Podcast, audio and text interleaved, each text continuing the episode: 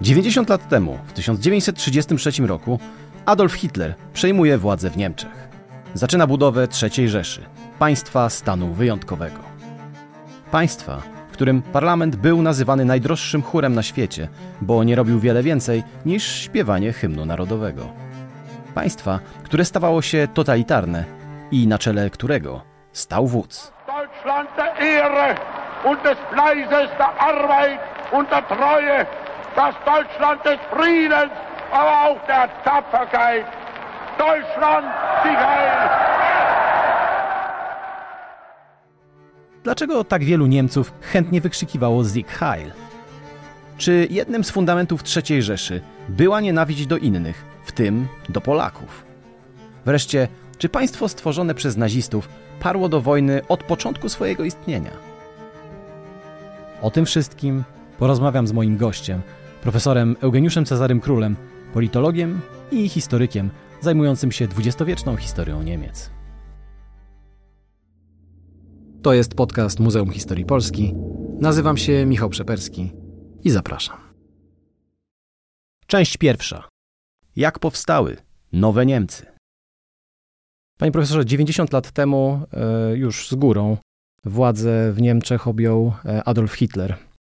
Chciałbym, żebyśmy porozmawiali o III Rzeszy. W jaki sposób wyglądała przebudowa systemu politycznego, systemu społecznego w pierwszych miesiącach i latach funkcjonowania e, reżimu nazistowskiego?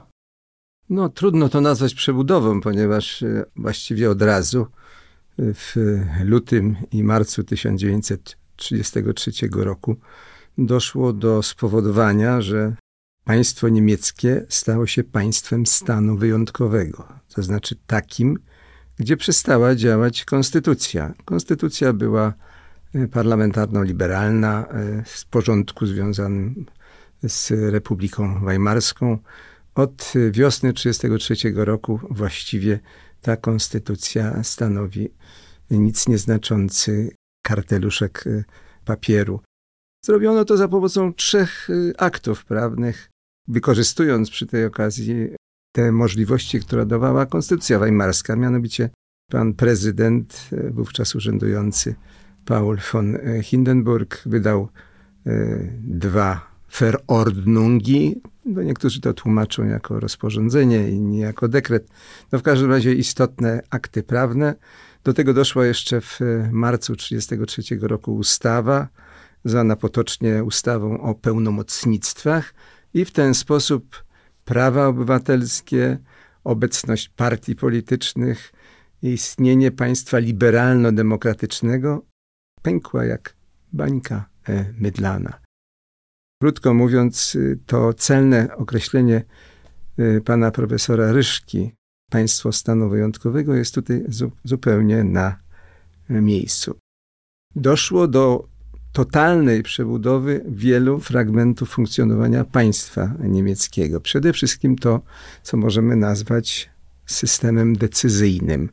Otóż parlament ostał się, ale stracił kompletnie znaczenie. Podśmiewano się z niego, że jest to najdroższy chór, chór świata, no ponieważ jego działalność ograniczała się do odśpiewania dwóch hymnów, czyli Deutschland, Deutschland über alles i E, Horst Wessel Lied i dostawano za to spore e, pieniądze, a więc był to twór bez żadnego e, znaczenia.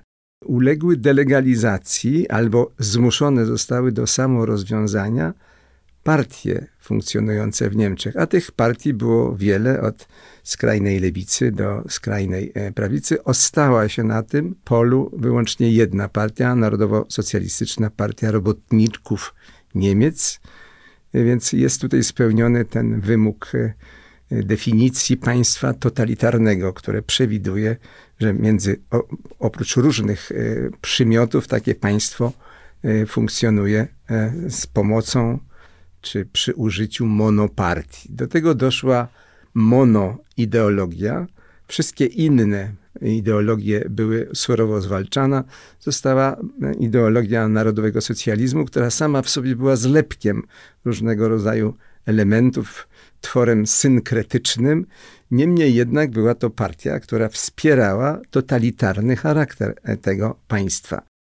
Jeśli przyglądamy się innym elementom, elementem, elementem tego tworzącego się państwa totalitarnego, to trzeba zwrócić uwagę, że w tym państwie podstawową osobą sprawczą jest kanclerz Rzeszy, który od 1934 roku, po śmierci Paula von Hindenburga, stał się kanclerzem i wodzem III Rzeszy. I jego e, władza była praktycznie nieograniczona. E, opierała się właściwie na dwóch e, wymogach prawnych. Z jednej strony urzędował Hitler jako dawca rozkazu wodza, Führer Befehl, a z drugiej strony jako dawca dekretu Führera, czyli Führererlass.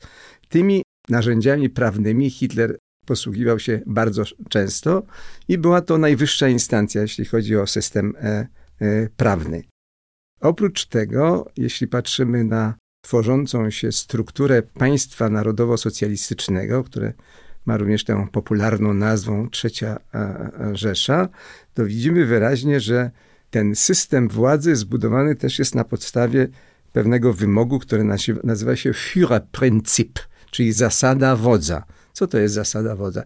Jest to właściwie pewnego rodzaju powrót do e, systemu feudalnego, mianowicie e, każdy szczebel władzy jest absolutnie podporządkowany przywódcy wyższego szczebla władzy. No tak jak znamy to z e, z czasów feudalnych, kiedy senior miał całą strukturę pod sobą wasali. Wasal jednego wasala był e, wasalem drugiego wasala i tak dalej. To przy zachowaniu oczywiście różnic y, historycznych y, pasuje, jeśli chodzi o sytuację w III Rzeszy z tą zasadą Führer Befehl. Ważna jest też kwestia struktury administracyjnej i E, sytuacji administracyjnej w III Rzeszy, bo ona dotyka pewnego bardzo ważnego elementu nowego państwa, mianowicie ten cały stan urzędniczy w III Rzeszy, to co się nazywa po niemiecku Beamtentum. Der Beamte to urzędnik. Urzędnik, y, który miał bardzo wysoką rangę, bo to była osoba, która mogła cieszyć się na przykład ubezpieczeniem emerytalnym. Żeby być beamtem, y, trzeba było y, spełnić szereg warunków. W gorszej pozycji znajdował się pracownik, który był angestellte, de Angestellte. Otóż ta cała kadra urzędnicza Beamtentum została spętana dwoma podstawowymi założeniami, które wynikały Y, założeń y, ideologicznych nowego państwa, mianowicie urzędnik y, w III Rzeszy musiał być czysty rasowo oraz musiał być czysty politycznie. Wrogów, nawet domniemanych, stanowczo usuwano z tego systemu.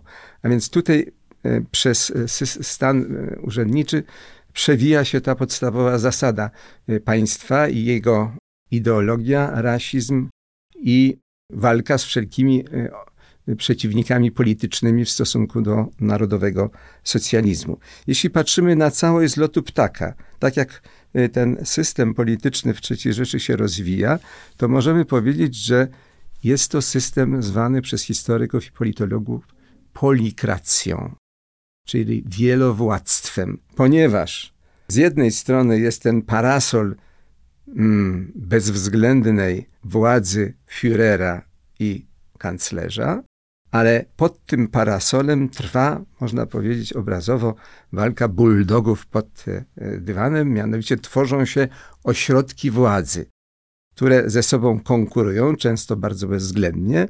Führer jest tego świadom, ale odgrywa tu rolę niekwestionowanego arbitra. A więc tak wygląda ta polikracja, czyli wielowładztwo. E, za fasadą tych haseł ein Führer, ein Volk, e, ein Reich, jeden wódz, jeden naród, jedna Rzesza, kryją się bardzo silne przeciwieństwa między poszczególnymi obozami władzy. To się oczywiście kształtuje w czasie, te proporcje się zmieniają, ale warto spojrzeć, jakie to są te obozy. Po pierwsze, to, co jest w systemie totalitarnym najważniejsze, to aparat przemocy.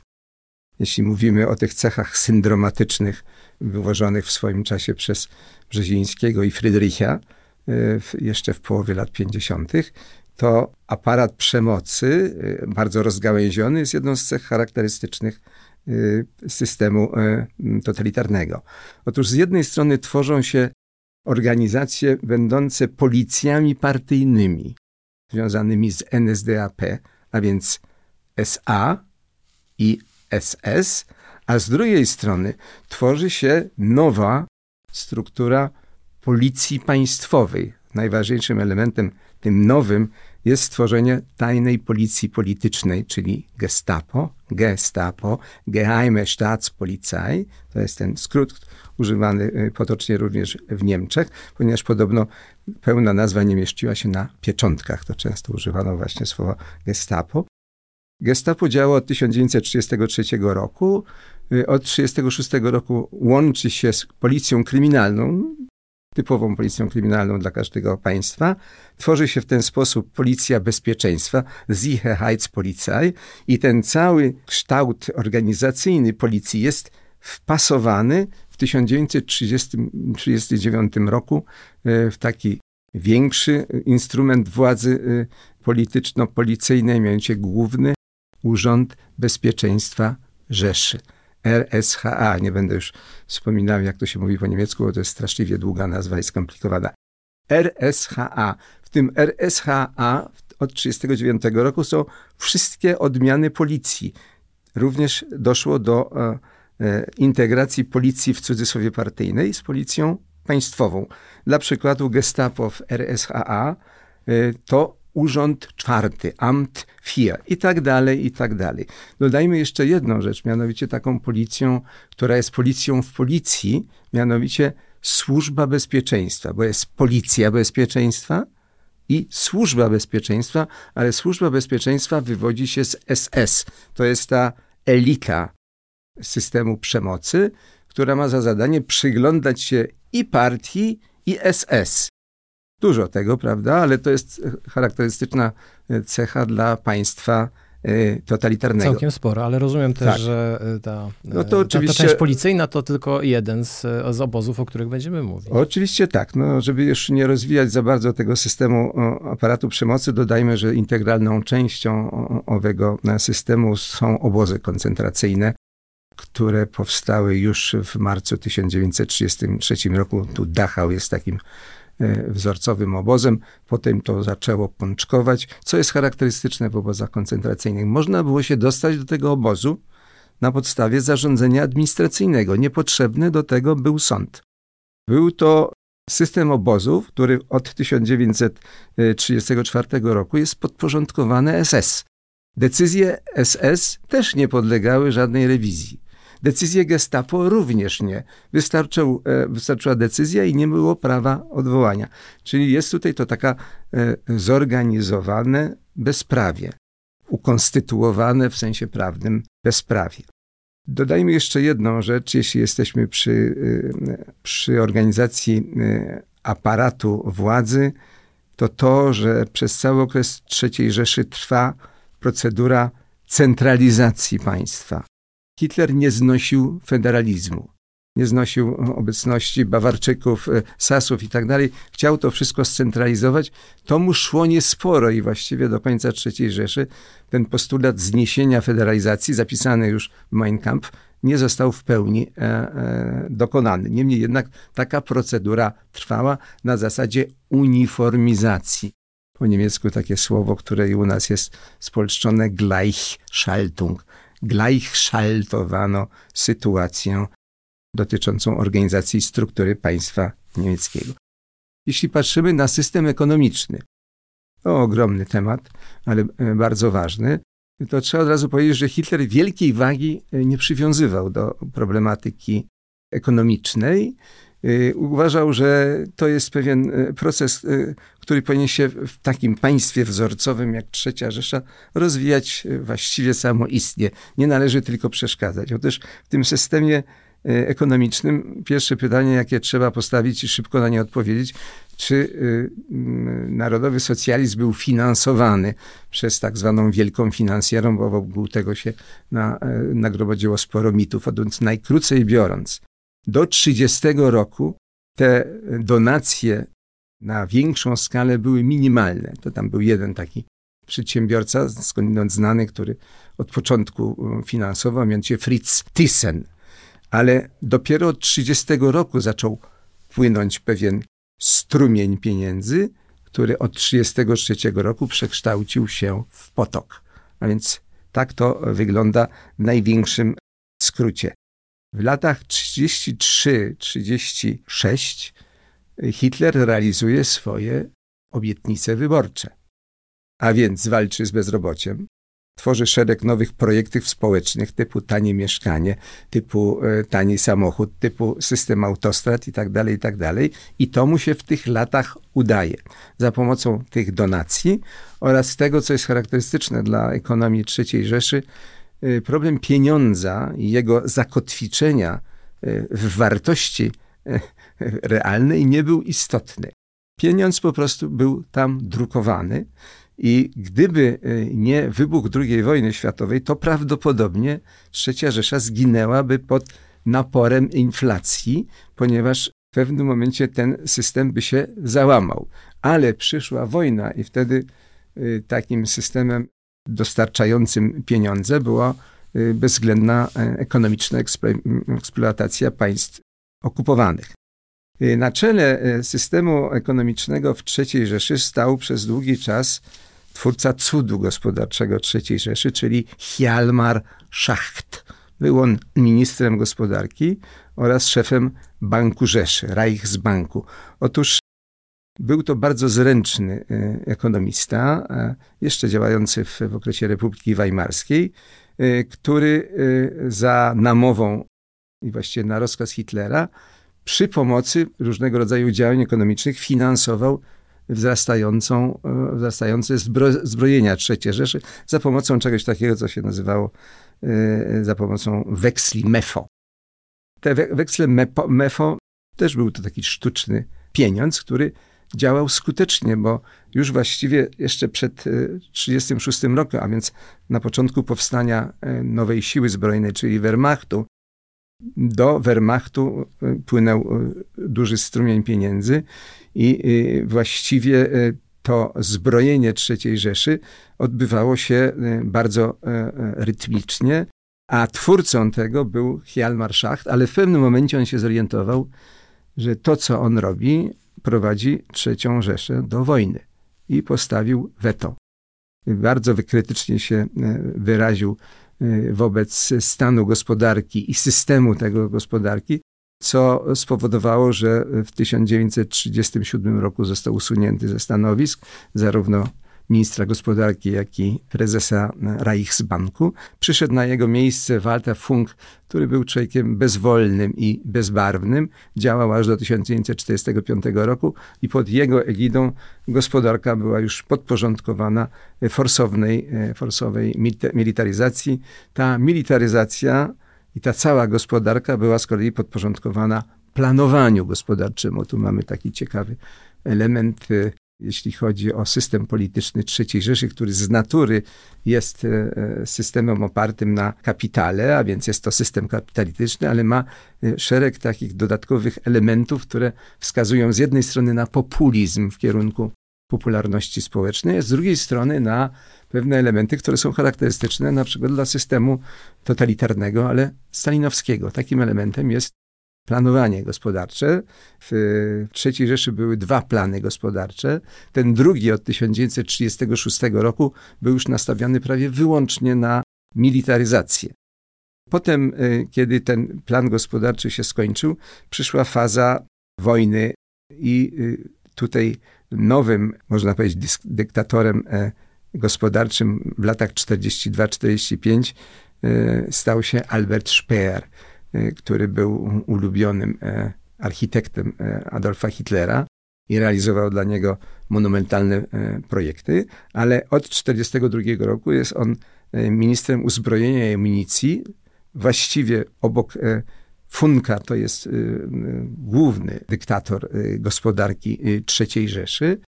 I, I, to on, dzięki swoim niewątpliwym zdolnościom e, organizacyjnym, spowodował, że Trzecia Rzesza była przez wiele lat jeszcze wydolna w sensie prowadzenia e, wojny. Gdy, jest takie założenie w literaturze przedmiotu, że gdyby nie Szper, to Trzecia Rzesza załamałaby się już w 1943 roku na pewno, a nie dopiero zaczęła się załamywać.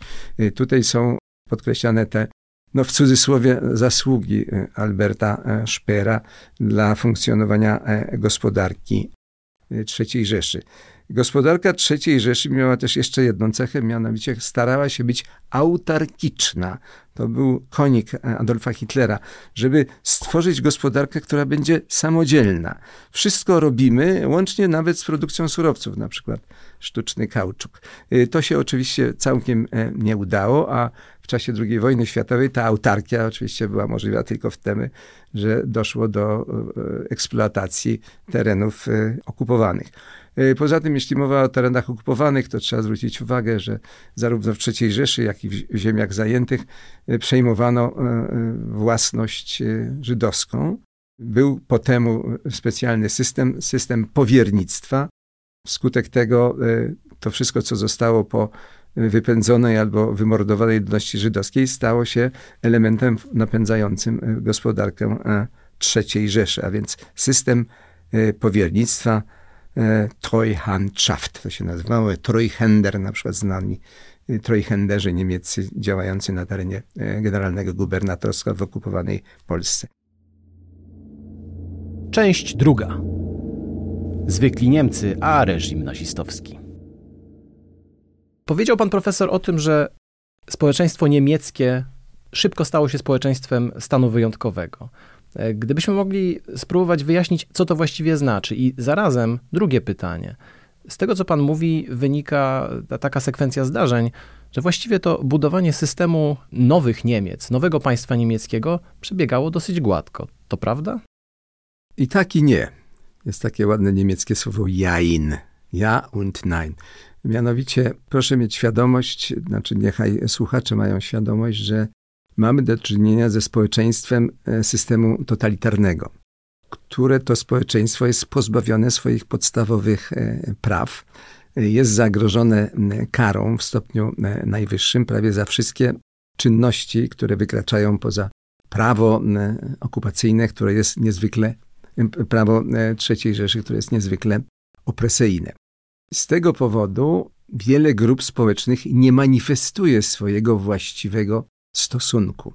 Przechodzi na coś, co się nazywa potocznie emigrację wewnętrzną, nie ujawniając swoich właściwych uczuć. Jest oczywiście grupa, trudno ją skwantyfikować, ale jest ona wyraźna i eksponowana propagandowo, która demonstruje swój entuzjazm dla e, nowego systemu, bierze w nim czynny udział, utożsamia się z nim, to przede wszystkim cechuje młodzież oraz e, ludność, która miała związek e, ze środowiskami e, kombatanckimi. To są takie dwa podstawowe obszary szczególnego entuzjazmu dla narodowego socjalizmu. Niektórzy dodają jeszcze, że kobiety traktowane jako całość, jako pewna warstwa społeczna też demonstrowały ponadprzeciętną entuzjazm dla narodowego socjalizmu. Oczywiście dla przeciętnego odbiorcy wiedzy na temat III Rzeszy bardzo istotne są te obrazy, które pokazują ten entuzjazm społeczeństwa niemieckiego. Tu bardzo często eksponuje się i eksploatuje się fragmenty filmu ważnej bardzo osoby dla III Rzeszy i w ogóle dla kinematografii Leni Riefenstahl. Nakręciła ona film Triumf Woli w 1934 roku, gdzie mm, znaczna część pierwszej części tego filmu poświęcona jest pokazywaniu społecznego entuzjazmu w trakcie triumfalnego przejazdu e, Adolfa Hitlera z lotniska do centrum Norymbergi przed rozpoczęciem zjazdu NSDAP. Otóż e, te e, sceny entuzjazmu, histerycznego entuzjazmu, świetnie fotografowane, są bardzo przekonujące i mogą prowadzić do tezy, że całe społeczeństwo tak reagowało na narodowy socjalizm. Reagowało wiele osób. Tyle tylko, że trzeba tutaj rozpatrzyć ten problem na osi czasu. Ten entuzjazm do III Rzeszy ma swoje pik. To jest bez wątpienia okres 1933-36, kiedy widać wyraźnie, że polityka hitlerowska święci triumfy, jeśli chodzi o odwrót od y, konsekwencji wielkiego kryzysu gospodarczego z przełomu lat 20. i 30. W 1939 roku następuje spadek entuzjazmu, bo wielu Niemców i wiele Niemek pamięta, co się działo w I wojnie światowej. Niemal każda e, rodzina niemiecka była dotknięta przez I wojnę światową i teraz myśl, że za chwilę będzie druga wojna światowa, jest dla wielu e, Niemców bardzo trzeźwiące, jeśli chodzi o entuzjazm. Ale przychodzi 1940 rok, zwycięska wojna z Polakami, zwycięska wojna z Francuzami.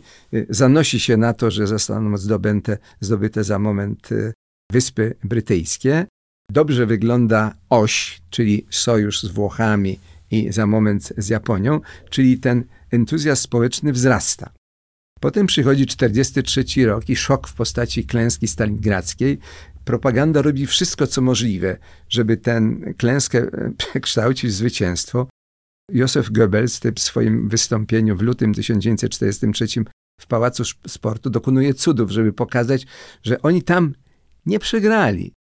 Oni staje, stali się w tym Stalingradzie zaczynem tego zwycięstwa, która czeka na tysiącletnią Rzeszę. Ale od 1943 roku e, stan e, entuzjazmu wyraźnie opada i już właściwie nie ma momentu, kiedy się podnosi. Co jest charakterystyczne? Hitler przez długi czas jest broniony. Jego charyzma, w cudzysłowie albo i bez, przez długo się uchowywało w, w świadomości przeciętnego Niemca. Powiadał tak, no Führer y, ma złych doradców, to doradcy są winni.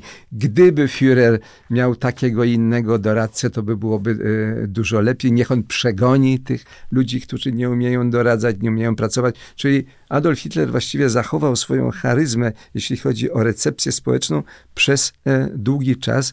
W tym wszystkim była oczywiście pomocna propaganda, która była propagandą totalną i nastawioną na kult Adolfa Hitlera, i kult III Rzeszy.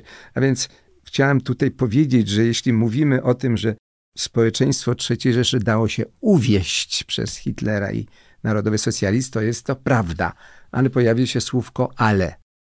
Trzeba pewne, do tego dodać pewne zastrzeżenia. Skąd one się biorą? Mianowicie warto wiedzieć, że w III Rzeszy istniał zorganizowany system badania nastrojów społecznych. Ponieważ było to państwo totalitarne, no to kto mógł to badać? Nie było niezależnej demoskopii jak teraz. Badały to siły policyjne. W służbie bezpieczeństwa SS była specjalna komórka, która zajmowała się badaniem nastrojów społecznych, a robili to policjanci w cywili, w cywilu bądź umundurowani. Rozglądali się na prawo, na lewo i meldowali od szczebla gminy wzwyż. W ten sposób powstał na każdym szczeblu zespół raportów, które zostały uogólnione i dwa razy w tygodniu od 1938 roku do 1943 pojawiały się meldunki z Rzeszy. Meldungen aus dem Reich. To była uogólniona forma raportów pod tytułem Jak społeczeństwo niemieckie reaguje na to, co się dzieje, na politykę III Rzeszy, na sytuację międzynarodową. Przy czym ważne jest to, że założenie było, iż mają to być niefarbowane raporty. Tam ma być prawda. Co potem władza robiła z tą prawdą, to jest inna kwestia, ale rządzący mieli dostać wierny zapis tego, co się dzieje e, w społeczeństwie niemieckim. I widać wyraźnie, że można na podstawie tych raportów pokazać te falowanie nastrojów. Tam jest zresztą wiele świetnych materiałów. Ja miałem sposobność przejrzenia tego wszystkiego, bo to się zachowało wszystko. Te meldunki z Rzeszy na szczeblu centralnym są w całości. W wielu też archiwach regionalnych możemy y, dotrzeć do tych raportów cząstkowych, regionalnych. Y, Niemcy to wydali w 17 tomach. Jest tam bardzo wiele spraw polskich.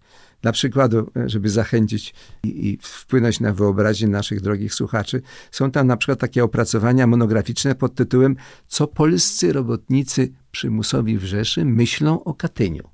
Albo jaki jest e, stosunek społeczeństwa niemieckiego do takiego antypolskiego filmu, który się nazywał Powrót, Heimkehr z 1941 roku. Jest tak sporo takich monograficznych ujęć. To jest bardzo ciekawe źródło i ono powoduje, że e, te nasze uogólnione spojrzenie na uwiedzionych Niemców powinno być cokolwiek, może nie zweryfikowane, ale zróżnicowane. Część trzecia. Antypolonizm Adolfa Hitlera. Niemcy były państwem stanu wyjątkowego, co oznacza także to, że pojawiła się nieustanna konieczność podniecania emocji.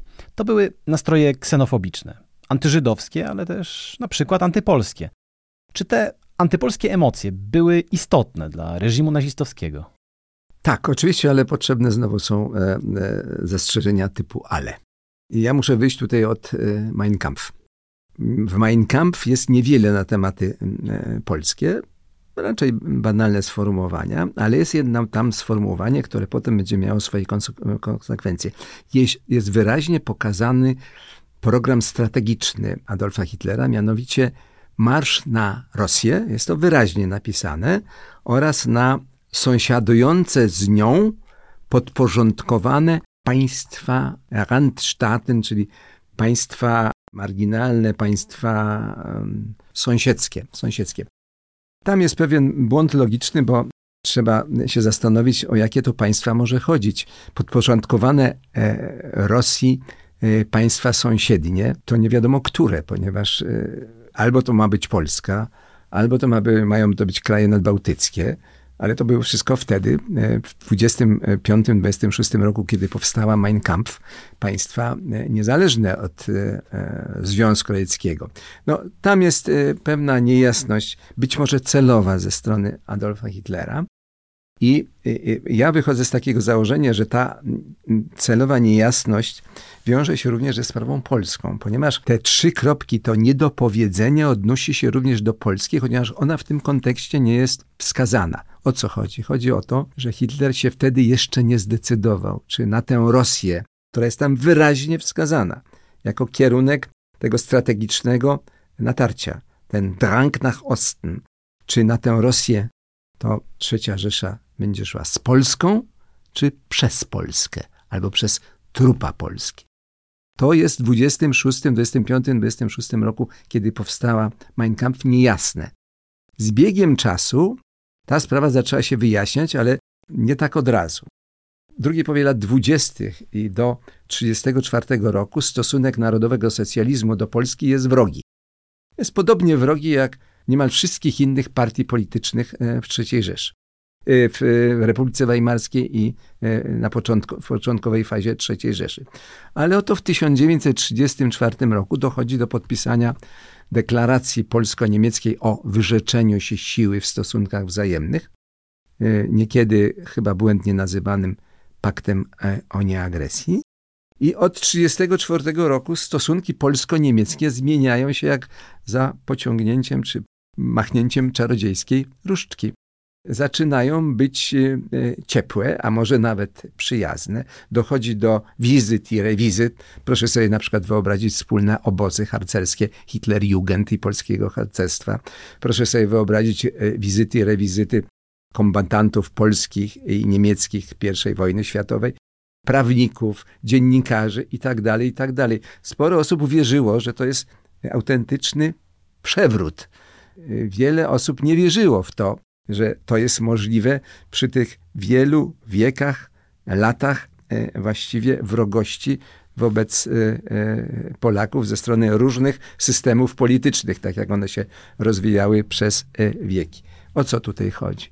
No chodzi o to, że Hitler zaczął namawiać Polskę przez te lata 30, od 1934 roku, żeby jednak iść z Polską na Rosję, bo to był ten cel strategiczny.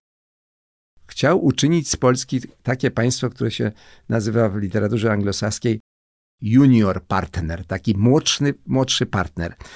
Stał się taki jeden młodszy partner, bardzo podobny do tej roli, którą miało odegrać Polskie, mianowicie Słowacja. Był to partner, który był na przyprzążkę do E, e, zaprzęgu e, III Rzeszy. Był to partner, który miał niewiele bardzo do powiedzenia. I chciano prawdopodobnie zrobić z Polski też takie junior partnera, może na wyższym nieco poziomie, bo to było państwo silniejsze od niedawno powstałej, bo dopiero w 1939 roku Słowacji. Polska się nie dała namówić na to.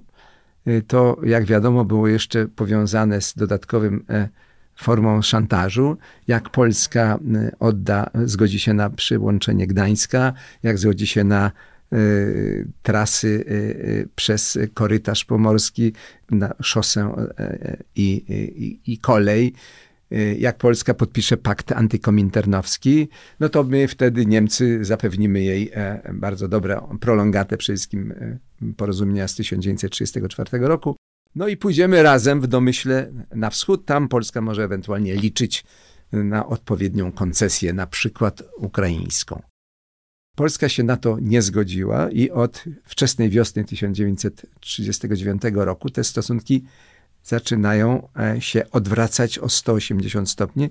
Hitler przypomina sobie całą gamę stereotypów antypolskich, zmienia się diametralnie propaganda III Rzeszy. Okazuje się w 1939 roku latem, że Polska jest krajem e, sezonowym, że Polska jest zakałą Europy, że Polska jest e, więzieniem dla mniejszości narodowych, e, że Polska wreszcie jest minderwertig, małowartościowa, rasysz minderwertig, rasowo małowartościowa i w 1939 roku, już po kampanii wrześniowej, pojawiają się teksty, z których wynika, że Polska, Polacy, Żydzi, Cyganie są na tym samym poziomie niepełnowartościowości rasowej.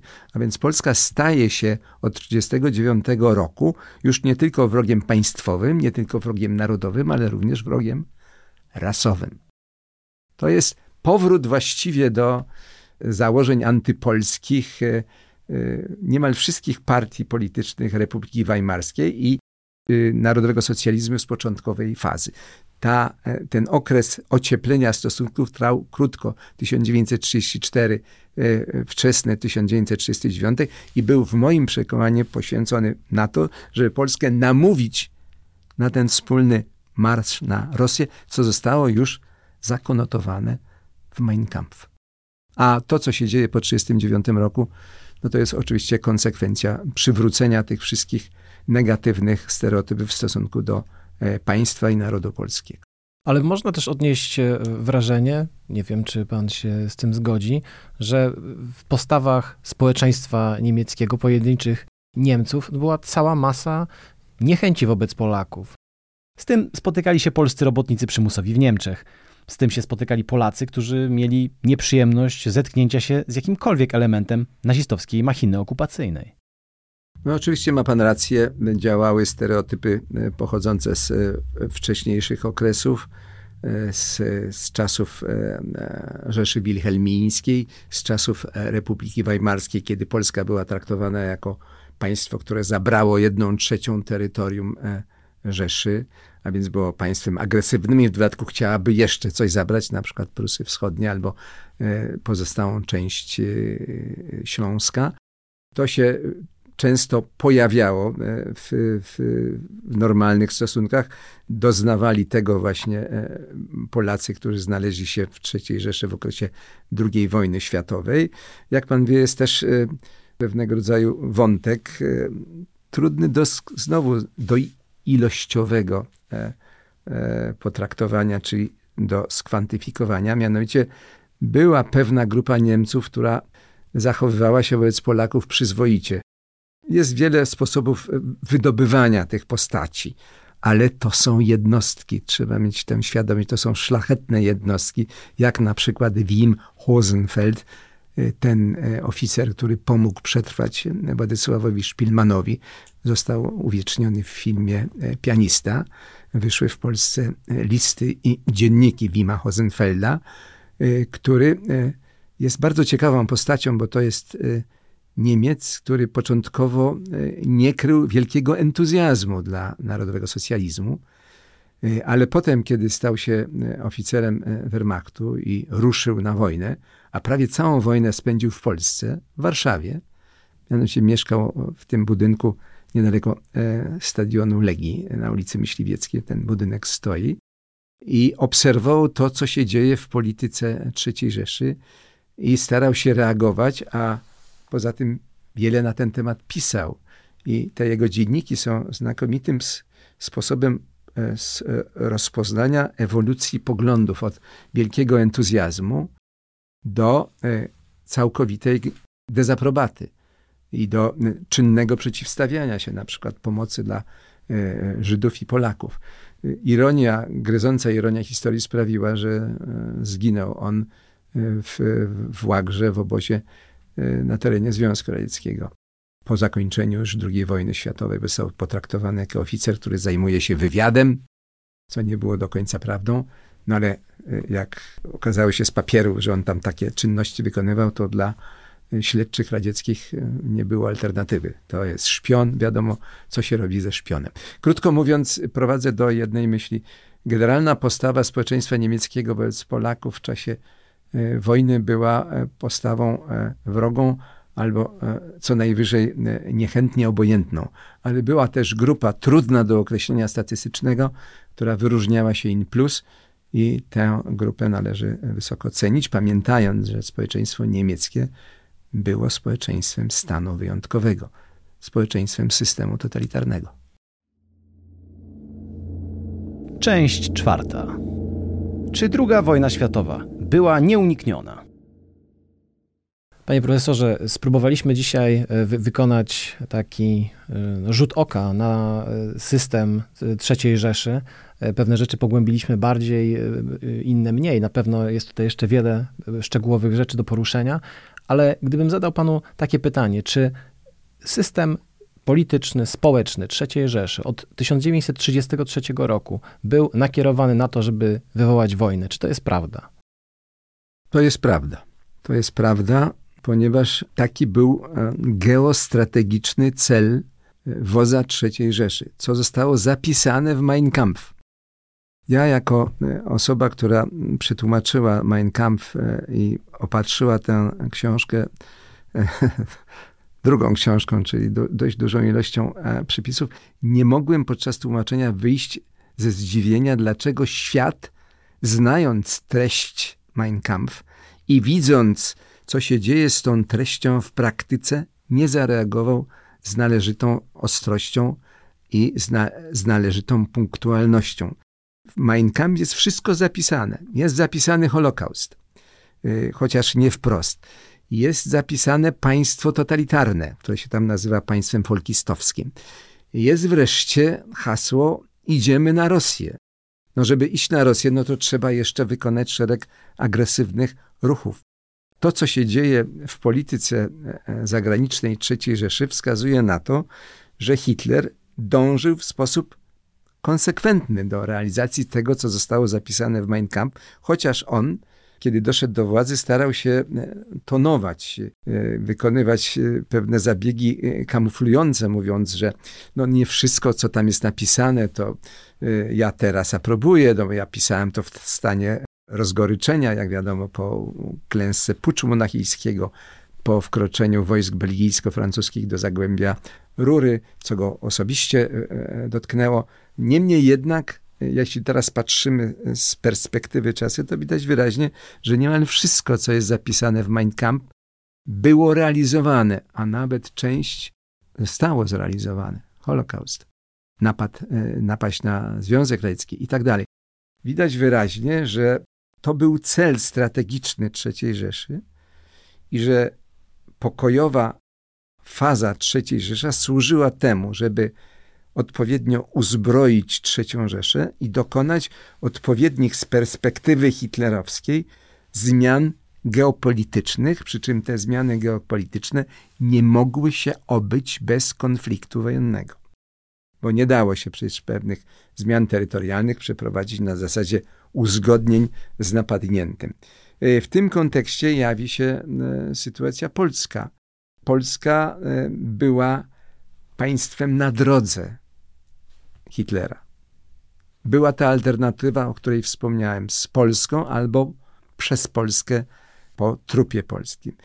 Hitler rozstrzygnął to, e, wybierając ten drugi wariant, i to się stało w 1939 roku. W moim przekonaniu, jeśli teraz to rozpatruję w długim odcinku czasu, nie znajduję powodów, żeby twierdzić, że była jakaś alternatywa, przy założeniu, że aktorzy tego wszystkiego, tego dramatu, który działo się w latach 30., byli na scenie, że były takie, a nie inne motywy działania państw zachodnich, że nie, były takie, a nie inne motywy działania Związku Radzieckiego. Y, powiem, e, Hitler, żeby zrealizować swoją politykę e, przebudowy gwałtownej systemu e, e geopolitycznego, musiał uwzględniać również rachuby w stosunku do partnerów e, światowych, a więc Związku Radzieckiego i III Rzeszy. I rozpoznał, że trzecia, e, że państwa zachodnie są słabe i niechętne, że trawi ich gorączka czy choroba epismentu, czyli pewnej bezwolności, a z drugiej strony widział, że Związek Radziecki też się pali do przemian geopolitycznych i w pewnym momencie te interesy były wspólne. Wspólnie zabrali się e, Stalin z Hitlerem do przebudowy Europy. Potem te interesy się rozbiegły, ale wtedy ta wojna wybuchła na wielką skalę. Krótko mówiąc, tak jak e, w etycznej tragedii. Coś, co się zaczęło, musiało się tragicznie skończyć. Bardzo dziękuję panie profesorze. Moim gościem był dzisiaj profesor Eugeniusz Cezary Król, politolog, historyk, specjalista od dwudziestowiecznej historii Niemiec. Dziękuję bardzo. Podcastów Muzeum Historii Polski wysłuchasz na YouTube, Spotify, Google Podcast, w Audiotece, a także na innych platformach podcastowych. Chcesz być na bieżąco? Subskrybuj kanał Muzeum Historii Polski.